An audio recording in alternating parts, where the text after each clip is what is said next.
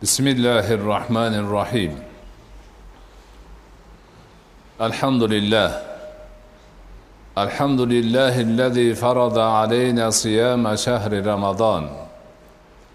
والصلاة والسلام على خير خلقه محمد الذي سن لنا قيام شهر رمضان. ruhiy tarbiya haqidagi suhbatlarimiz bu yilgi xulqlanish deb atalgan turkum suhbatlarini navbatdagisi rasuli akram alayhissalotu vassalomning xulqlarining ba'zi qirralari to'g'risida bo'lishini rejalashtirganmiz. Alloh subhanahu va taolodan yordam so'ragan holimizda ushbu mavzuni ojizona bir yoritishga harakatda bo'lamiz. Kecha rasuli akram alayhissalotu vassalomning xalqlari ya'niki tana tuzilishlari tashqi ko'rinishlari va unga oid ba'zi bir mavzular to'g'risida gaplashgan edik. Rasuli akram alayhissalotu vassalomning xulqlari to'g'risida gaplashadigan bo'lsak ham dunyodagi eng go'zal xulq sohibi aynan rasuli akram alayhissalotu vassalom ekanliklarini ta'kidlashimiz lozim bo'ladi. U kishiga alloh taolo o'zi xitob qilib qur'onda nozil qilgan oyatlari va boshqa bunga oid ma'lumotlar bilan avvalgi suhbatlarimizda tanishdik. Bugun ana shu aytilganlarga qo'shimcha tarzda aytishimiz mumkinki rasuli akram alayhissalotu vassalomning o'zlari muborak hadislaridan birida marhamat qilib innama buittu liutammima makarimal axloqi deganlar. Man karamli axloqlarni tugal qilish uchun payg'ambar etib yuborilganman.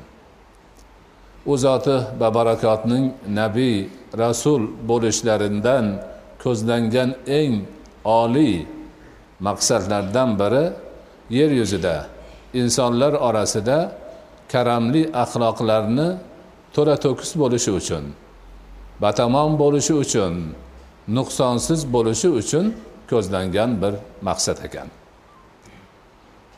Ana rasuli akram alayhissalotu vassalom payg'ambar bo'lishlari bilan inson uchun ko'zlangan eng go'zal axloqlar karamli axloqlarni to'la to'kis bo'lishi nuqsonsiz bo'lishini ta'minlanishi yuzaga chiqqan ekan.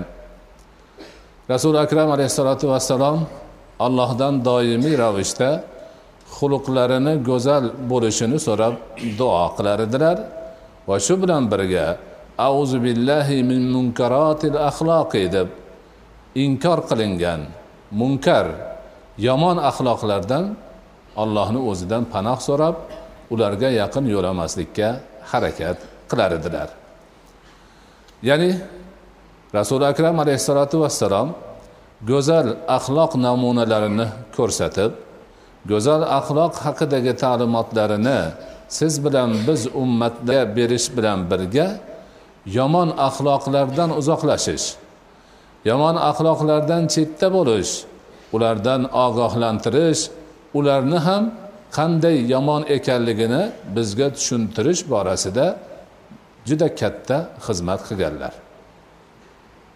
Yaqin besh o'n yilni ichida saudiya arabistonidagi muhsin ilm ma'rifatga qiziqqan kishilardan biri abdurahmon malluh degan kishi o'zi harakat qilib o'zini shaxsiy harakatiyu xarajati bilan katta olimlar guruhini yig'ib ularga rasuli akram alayhissalotu vassalomning axloqlari to'g'risida mavsua ensiklopediya tuzish vazifasini e, taklif qildi.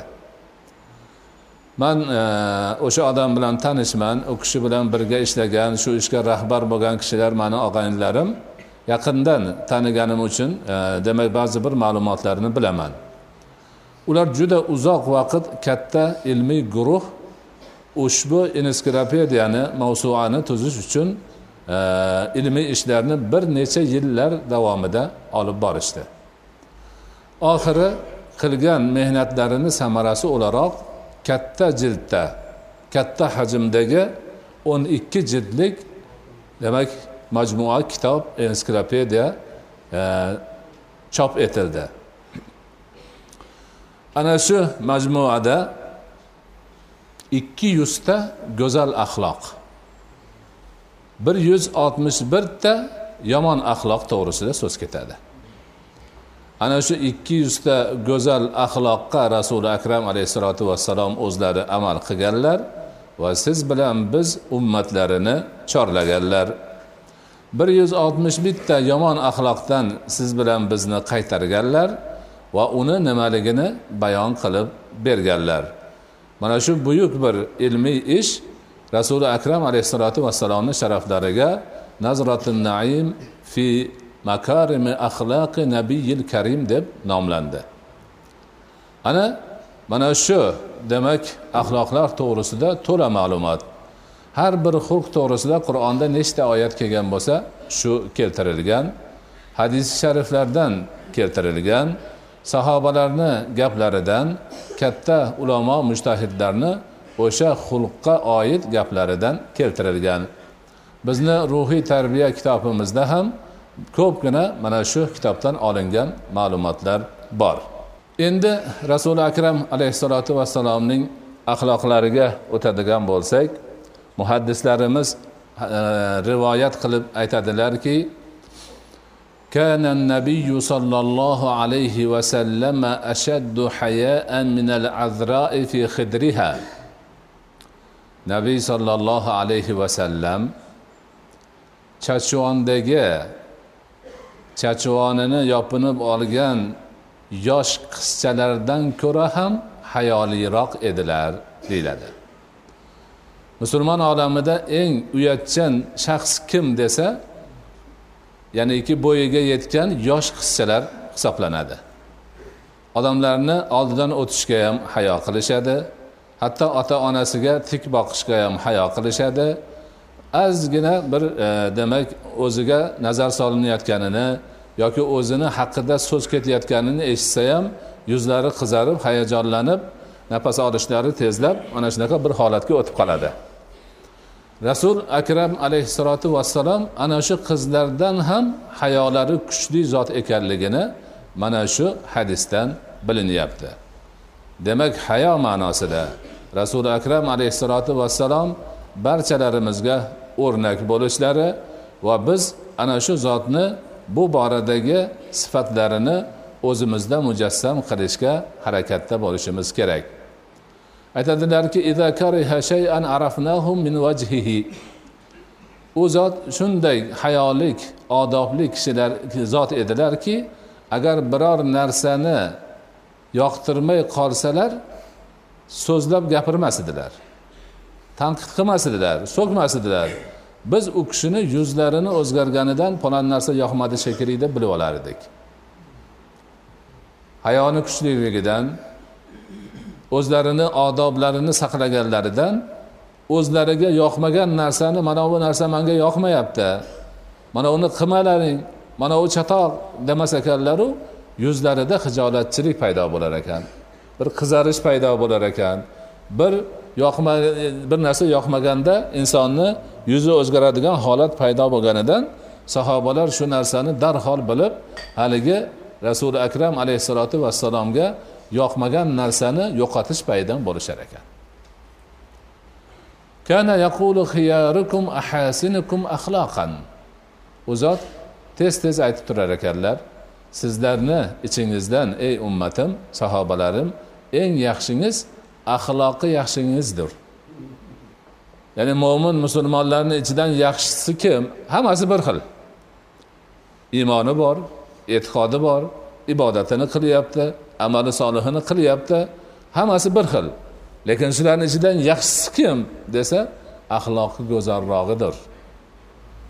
Axloqi go'zalrog'i ana yaxshisidir deb rasuli akram alayhissalotu vassalom doim aytib mo'min musulmonlarni baholashga axloqni asosiy mezonlardan bir mezon qilib qo'yar ekanlar.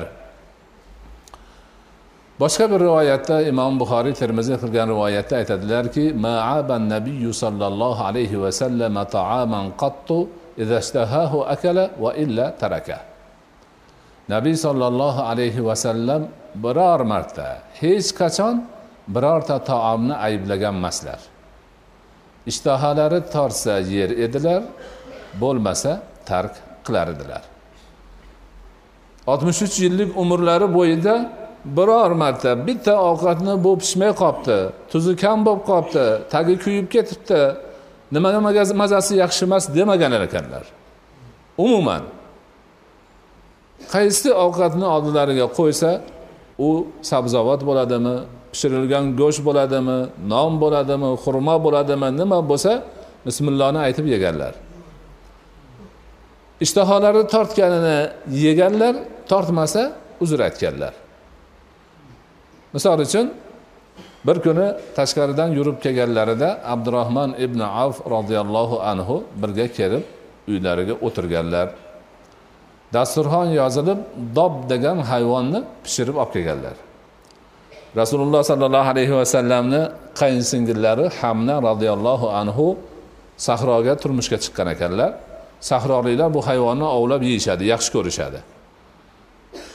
Endi rasulullohga olib borsin deb ushlab berishgan ekan haligi hayvondan olib kelib endi pishirib dasturxonga qo'yishdi.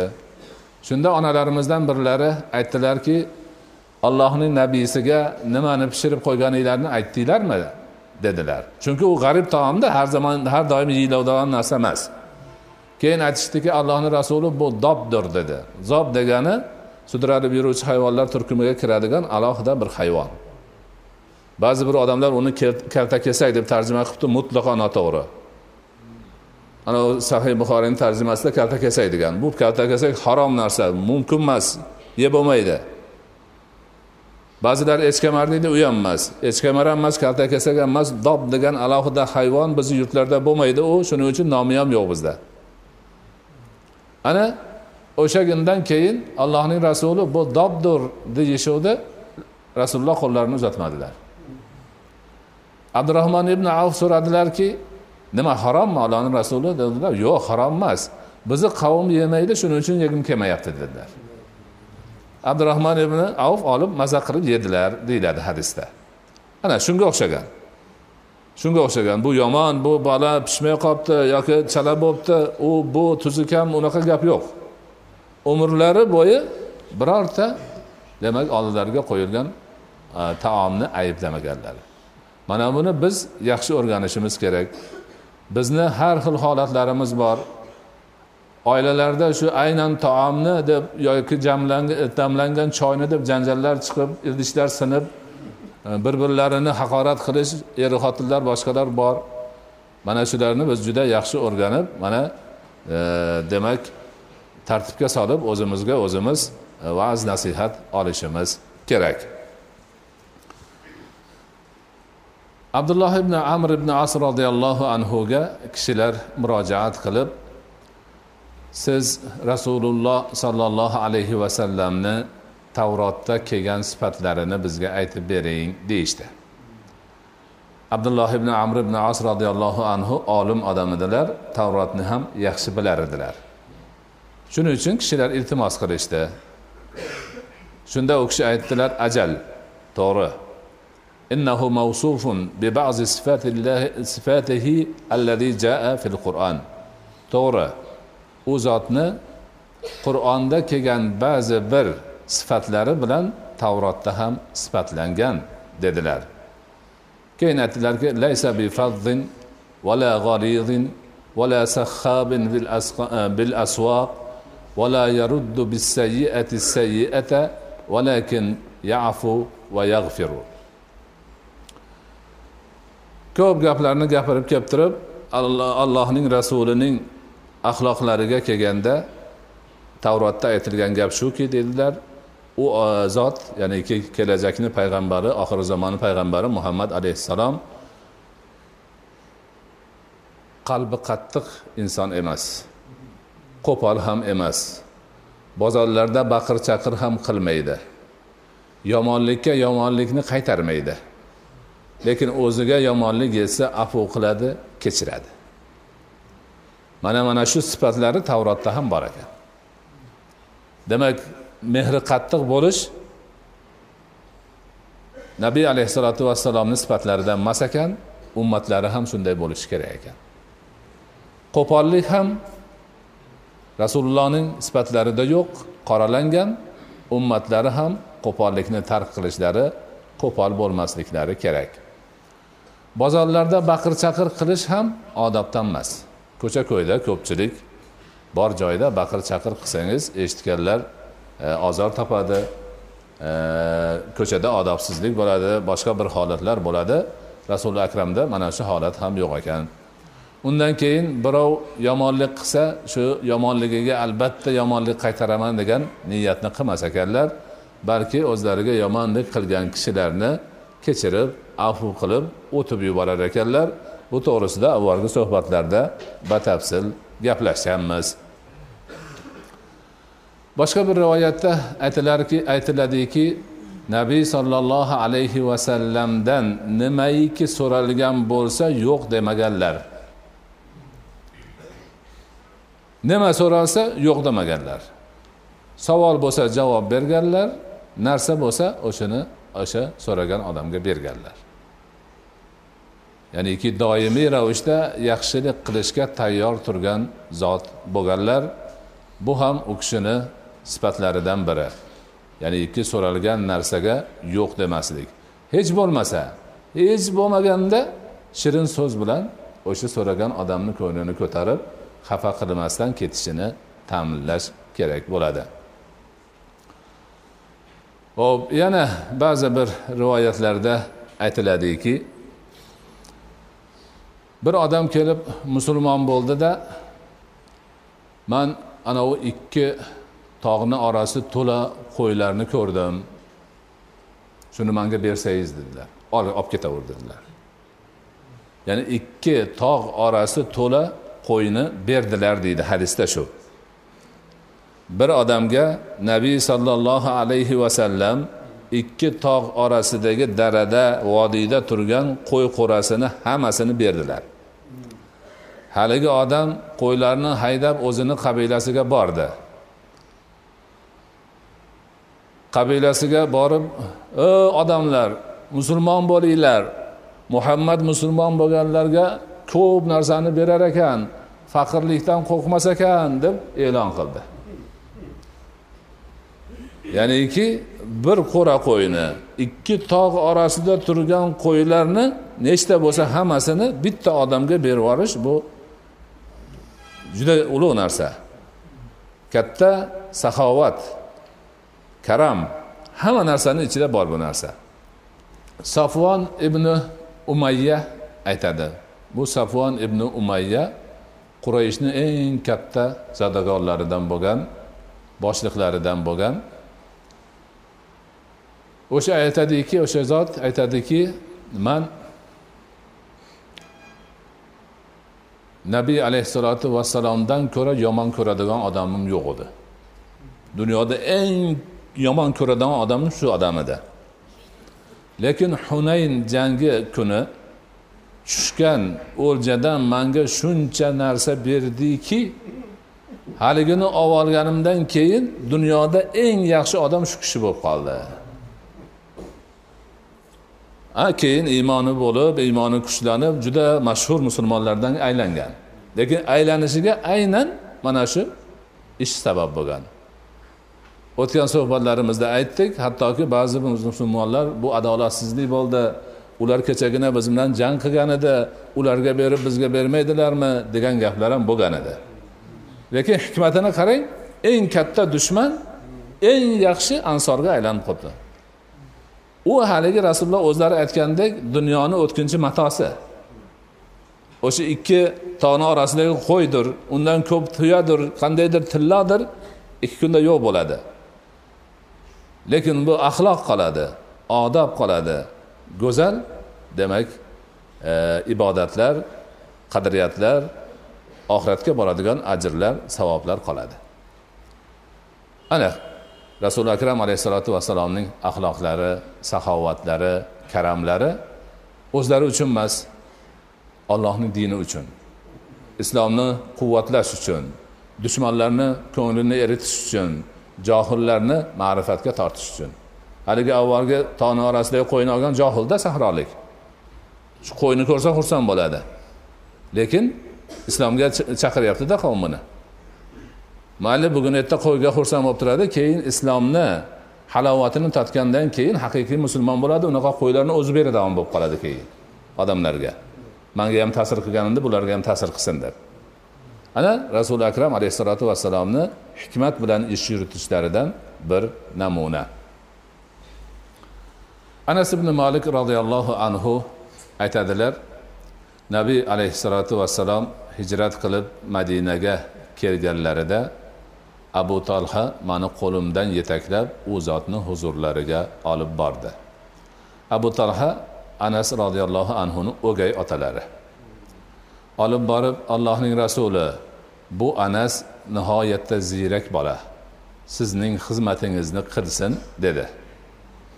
Rasululloh qabul qildilar man tinimsiz o'n yil safarda ham safarmas paytida hazarda ham rasululloh sollallohu alayhi vasallamning xizmatlarida bo'ldim. Kechayu kunduz. Shu o'n yil ichida biror marta qilgan narsamga nimaga qilding demadilar qilmagan narsamni nimaga qilmading deb aytmadilar deydi. o'n yashar bola o'n yilni ichida yigirmaga kiradi yoki yetti bo'lsa o'n yettiga kiradi. Demak shu ichida mana shu bola xato qilishi turgan gap yosh bolalar. Adashish turgan gap. Nimadir bir narsani o'rniga qo'yolmaslik bor. Lekin shunga so'kmaganlar jerkib tashlamaganlar nimaga bundoq qilding demaganlar. Haligi bolalar o'zi noto'g'risini tushunib boshqalar nasihat qilib o'zlarini o'zi o'g'nab buyuk bir insonlar bo'lib yetishgan hazrati anas juda buyuk olim ulug' sahobiy nihoyatda katta bir demak arbob bo'lib yetishganlar. Ana shu zotni o'zlari hazrati anas aytadilarki bir kuni rasuli akram alayhissalotu vassalom manga bir ish buyurib bor shu ishni qilib kel dedilar. Vazifani bajargani ketayotsam bozorda bolalar o'ynashayotgan ekan. Qarasam juda qiziq o'yin man ham ularga qo'shilib o'ynab qolibman. Bir vaqtida birov kelib orqamdan bo'ynimdan ushladida bunday bunday qilib ha anas dedilar. Qarasam allohning nabiysi sollallohu alayhi vasallam turibdilar. Haligi mana aytgan ish bo'ldimi? Devdilar endi bo'ladi hozir ketyapman deb yurib ketdim deydilar nimaga sani palon vaqtda jo'natsam bu yerda o'ynab turibsan? Aytgan narsani nimaga qilmaysan? Yoki nima desa itob qilsa turibdi. Bola o'yinga berilib qolgan ketmagan. Aytilgan ish bo'lmagan. Lekin muloyimlik bilan. Mana aytgan ish bo'ldimi? Ha endi boraman desa ham yana indamadi. Endimi ham demadilar indamadilar. Hazrati anas borib ishni bajarib keldilar. Keyin mana hozir bugungagacha shu hammaga dars. Mana bugun biz shuni dars qilib o'rganyapmiz. U zotni ummatlari o'zimizga ibrat olish uchun va'z olish uchun nasihat olish uchun mana mana shu rivoyatni o'rganmoqdamiz. Hazrati anas aytadilarki rasuli akram alayhissalotu vassalom ahli ayolga nihoyatda mehribon zot edilar. O'zlarining o'g'illari ibrohim madinani avoliy degan joyida arablarda har bir qishloq shaharni tepa qismini avoliy deydi.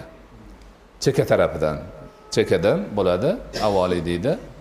O'sha yerda emizilar edi. Bir odamni demak ayoli emizar edi ibrohim o'sha yerda ularni qo'lida tarbiya olib haligi ayolni emib katta bo'layotgan edilar. Rasululloh sollallohu alayhi vasallam tez tez borib o'g'illarini ko'rib turar edilar. Biz ham birga qo'shilib borar edik. Borsak uyni ichi tutunga to'lib ketgan bo'lardi nimani deydi hovli. Chunki haligi ayolni eri temirchi ekan. Bosqon bosadi u qiladi bu qiladi doim tutun hid chiqib mana shu e, temirchini uyi bo'lib turar ekanda endi.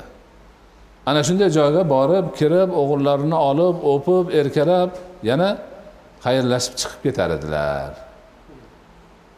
Bir kuni demak o'sha borsak ibrohim jon taslim qilayotgan ekan. Yig'ladilar ko'zlaridan yosh to'kdilar. Albatta bu rahmat yoshi dedilar. Biz ko'zimizdan yosh to'kamizu lekin robbimizni rozi qiladigan gapdan boshqasini aytmaymiz. Ibrohim biz sani firoqingdan mahzunmiz dedilar. Qizlaridan bittalari odam yubordi. Kelib allohning rasuli qizingiz chaqiryaptilar bolasi og'irlashib qolibdi dedi kelgan odam. Mandan salom aytgin sabr qilsin ajr oladi dedilar. Haligi odam yana qaytib keldi. Qaytib kelib juda qattiq iltimos qilyapti bormasangiz bo'lmaydi ekan devdilar. Sahobalar bilan bordilar. Borib qarasalar bola haligi ichiga suv quyilgan meshdek po'kkillab qoldi jon taslim qilyapti. Bolani qo'liga olib turib ko'zlaridan duv duv yosh to'kildi. Shunda sad ibn abi vaqqos roziyallohu anhu siz ham yig'laysizmi allohning rasuli? degan edilar bu rahmat yig'isi. Bu rahmat yig'isi deb aytdilar. Shuningdek e, nabiralarini juda yaxshi ko'rardilar. E, umoma zaynab qizlarini qizi umoma abul asni qizi umomani yelkalariga ko'tarib olib namoz o'qiganlari to'g'risida ko'p rivoyatlar bor. Sajda qilayotganlarida olib yerga qo'yib qo'yadilarda sajdani qilib turayotib yana yelkalariga qo'yib olib turib namoz o'qiganlari hazrati hasan hazrati husaynga ko'rsatgan mehrlari hamma hammasi rivoyatlarda ajoyib bir tarzda kelgan. Rasuli akram alayhissalotu vassalomning anjasha ismli sarbonlari bor edi. Sarbon degani tuyalarni yetaklab yuradigan odam. Arabchada had deydi. Hadiy o'sha sarbonlar hadiy uslubida xirgoyi qilishadi. Tuyani oldiga tushib yetaklaydida yetaklayotib ma'lum bir baytlarni demak xirgoyi qilib ketsa tuyalar haligini ohangiga qadamlarini to'g'rilab olib bir xilda bosib ketishadi. Ana shu anjasaga rasuli akram alayhissalotu vassalam ya anjasa ruvaydan rifqan bil qavarir deganlar. Ya'niki onalarimizni havdajga solib tuyaga mingizishgan havdaj degani bizdagi to'qima savatlarga o'xshagan idish bo'ladi. Ayollarni uni ichiga e, kirib o'tirishgandan keyin ko'tarib nimaga qo'yishib qo'yadi? Tuyaga. Ana endi tuya yurganda lo'killab ketadi. Agar tuya noto'g'ri qadam tashlasa siltab yursa uni ichida havdajni ichidagi onalarimizga ozor bo'lishi mumkin. Shuning uchun rasululloh tuyakashga sarbonga iltimos qilyaptilar. Anjasha ohista yur. Billurlarni sindirib qo'yma deyaptilar. Ana demak ahli ayolga bo'lgan mehrlari shafqatlari ularga ko'rsatgan marhamatlarini bir namunasi. Osha onamiz roziyallohu anhu aytadilarki nabiy sollallohu alayhi vasallam umrlarida biror narsani urmaganlar. Xotinmi xodimmi farqi yo'q. Ya'ni hech kimga qo'l ko'tarmaganlar. Ayb qiladi achchig'ini chiqaradi nima qilsa qilgandir lekin u zot qo'l ko'tarmaganlar. Qo'l ko'targan bo'lsalar dushmanlarga qarshi urushda ko'targanlar xolos deydilar. Boshqa paytda bu narsani o'zlariga ravo ko'rmaganlar. Mana bu haqiqatni ham u kishining bugungi kungi ummatlari yaxshi eslab olishlari kerak. Ayollarni bolalarni xodimlarni kaltaklash urush do'pposlash bunaqa ishlar birortasi rasuli akram alayhissalotu vassalomni sifatilari emasligi siymolarida yo'qligini doimiy ravishda unutmasdan eslab yurish kerak bo'ladi. Yana rivoyatlarda aytiladiki bir aqli bir oz o'rtacharoq ayol. Mani rasulullohda hojatim bor rasulullohga aytadigan gapim bor deganlarini rasululloh eshitib qolib hay ummu fulon qaysi yo'ldan yurasan? Man ham san bilan birga yuray gapingni aytib olgin dedilar deydi borib haligi xotin bilan aqli o'rnida emas haligi xotinni. Lekin birga ketdilar deydi haligi ayol gapini tugatib xursand bo'lgandan keyin o'zlarini yo'llariga yurdilar. Mana shunaqa demak bir bechora hol. Hattoki e, aqlida biroz zaiflik bor. Ayol kishi bo'lsa ham o'shanda ham ko'ngli ko'tarish shuni ham bir yaxshi shirin muomalasini qilishni payidan bo'lgan ekan rasululloh. Sahobalar aytadiki rasuli akram alayhissalotu vassalom bomdod namozini o'qib bo'lib bir e, tashqariga chiqib o'tirsalar madinadagi xodimlar suv tashiydigan xodimlar. Idishlarini olib kelib u kishiga tutar edilar. Tutgani shu baraka bo'lsin bir qo'lingizni cho'mib qo'ying deyish ekan. Qo'llarini cho'madilar nechkisiga cho'madilar ba'zi qishda sovuq bo'lsa ham shular xafa bo'lmasin deb qo'llari sovib o'zlari ozor topsa ham bir qo'llarini haligilarni idishiga cho'mib qo'yar edi. Ular juda xursand bo'lib ketar edi ana xodim kishilar xo'jasini uyiga suv tashiyotganlar ham ana shunday bir u kishidan dalda olib o'zlarini xursand qiladigan muomala topib ko'ngillari tog'day ko'tarilib ana ishini bajarib e, xo'jalarini uylariga yetib borishar ekan. Rasuli akram alayhissalotu vassalom deydilar oysha onamiz qachon ikki ishni birini tanlash ixtiyorida qolsalar agar gunoh bo'lmasa yengilini tanlar edilar ikki ish. Shundan bittasini olish kerak. Biri og'irroq biri yengilroq. Yengilrog'i agar gunoh bo'lmasa rasululloh shu yengilni doim yengilni olar ekanlar. Gunoh bo'lsa undan eng uzoq odam bo'lar edilar. Bu deganlari nima degani? Ummatga shafqat. Shu og'irini olib qo'ymay keyin manga iqtido qilaman manga ergashaman deb ummatim qiylanib qolmasin. Yengilini olaylik shu yengili hammaga yaxshi bo'ladi degan ma'noda ana shu muomalani qilardilar yana oysha onamiz aytadilarki bir kuni rasuli akram alayhissalotu vassalom bir masala o'rtaga qo'yilgan edi. Avvalgidan ko'ra yengilrog'ini aytib ruxsat berdilar. Mana shuni qilaversanglar bo'ladi dedilar. Shunda ba'zi sahobalarga bu gap yoqmadi. Ko'proq savob olardik mana o'zi og'ir bo'lsa ham qilganimiz yaxshi edi. Endi shuni ham qilamizmi? degan ma'noda birov gapirmadiyu shunaqa bir o'zlarini tutishidan shunaqa ma'no chiqdi. Shunda rasuli akram alayhissalotu vassalom qattiq demak g'azablanib ollohdan eng ko'p qo'rqadiganingiz manman. Ollohni eng yaxshi taniydiganingiz ham manman. Sizlarga nima bo'ldiki man sizlarga ruxsat bersam yoqtirmaysizlar. dedilar. Ana rasuli akram alayhissalotu vassalom tanlagan biz uchun axloq bo'ladimi ahkom bo'ladimi boshqa ibodat bo'ladimi nima bo'lsa inshaalloh hammasi yengil. Yengil bo'lgan bilan savobi og'ir savobi ko'p.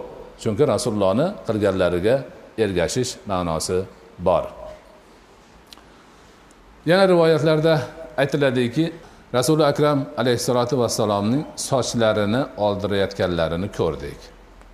Biz avval hajdagisini aytuvdik. Bu oddiy holatda.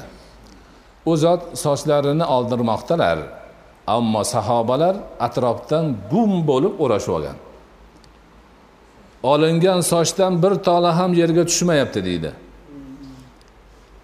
Hammasini demak sahobalar bo'lib olib ketishyapti. U zot shunga ham sabr qilib o'tiribdi. Voy sochimni bir e, sal e, xoliroq oldirib yuboray naroq turlaring man ketganimdan keyin olasan ham demayaptilarda. O'tirib sochlarini oldiryapti odam guz guz o'sha tushgan sochni bir tolasi yerga tushmayapti sahobalar bo'lib olib ketyapti. Bu yerda sahobalarni muhabbati bo'lsa rasulullohni sabrlari husni xulqlari go'zal demak holatlari yaqqol namoyon bo'lib ko'rinib turibdi. Mana mana shunga o'xshagan muomala bobida axloq bobida rasuli akram alayhissalotu vassalomning demak axloqlari hammamiz uchun namuna. Doim mana shularni yaxshilab o'rganishimiz o'rganishimiz o'rganganlarimizga qo'limizdan kelganicha amal qilishimiz kerak bo'ladi.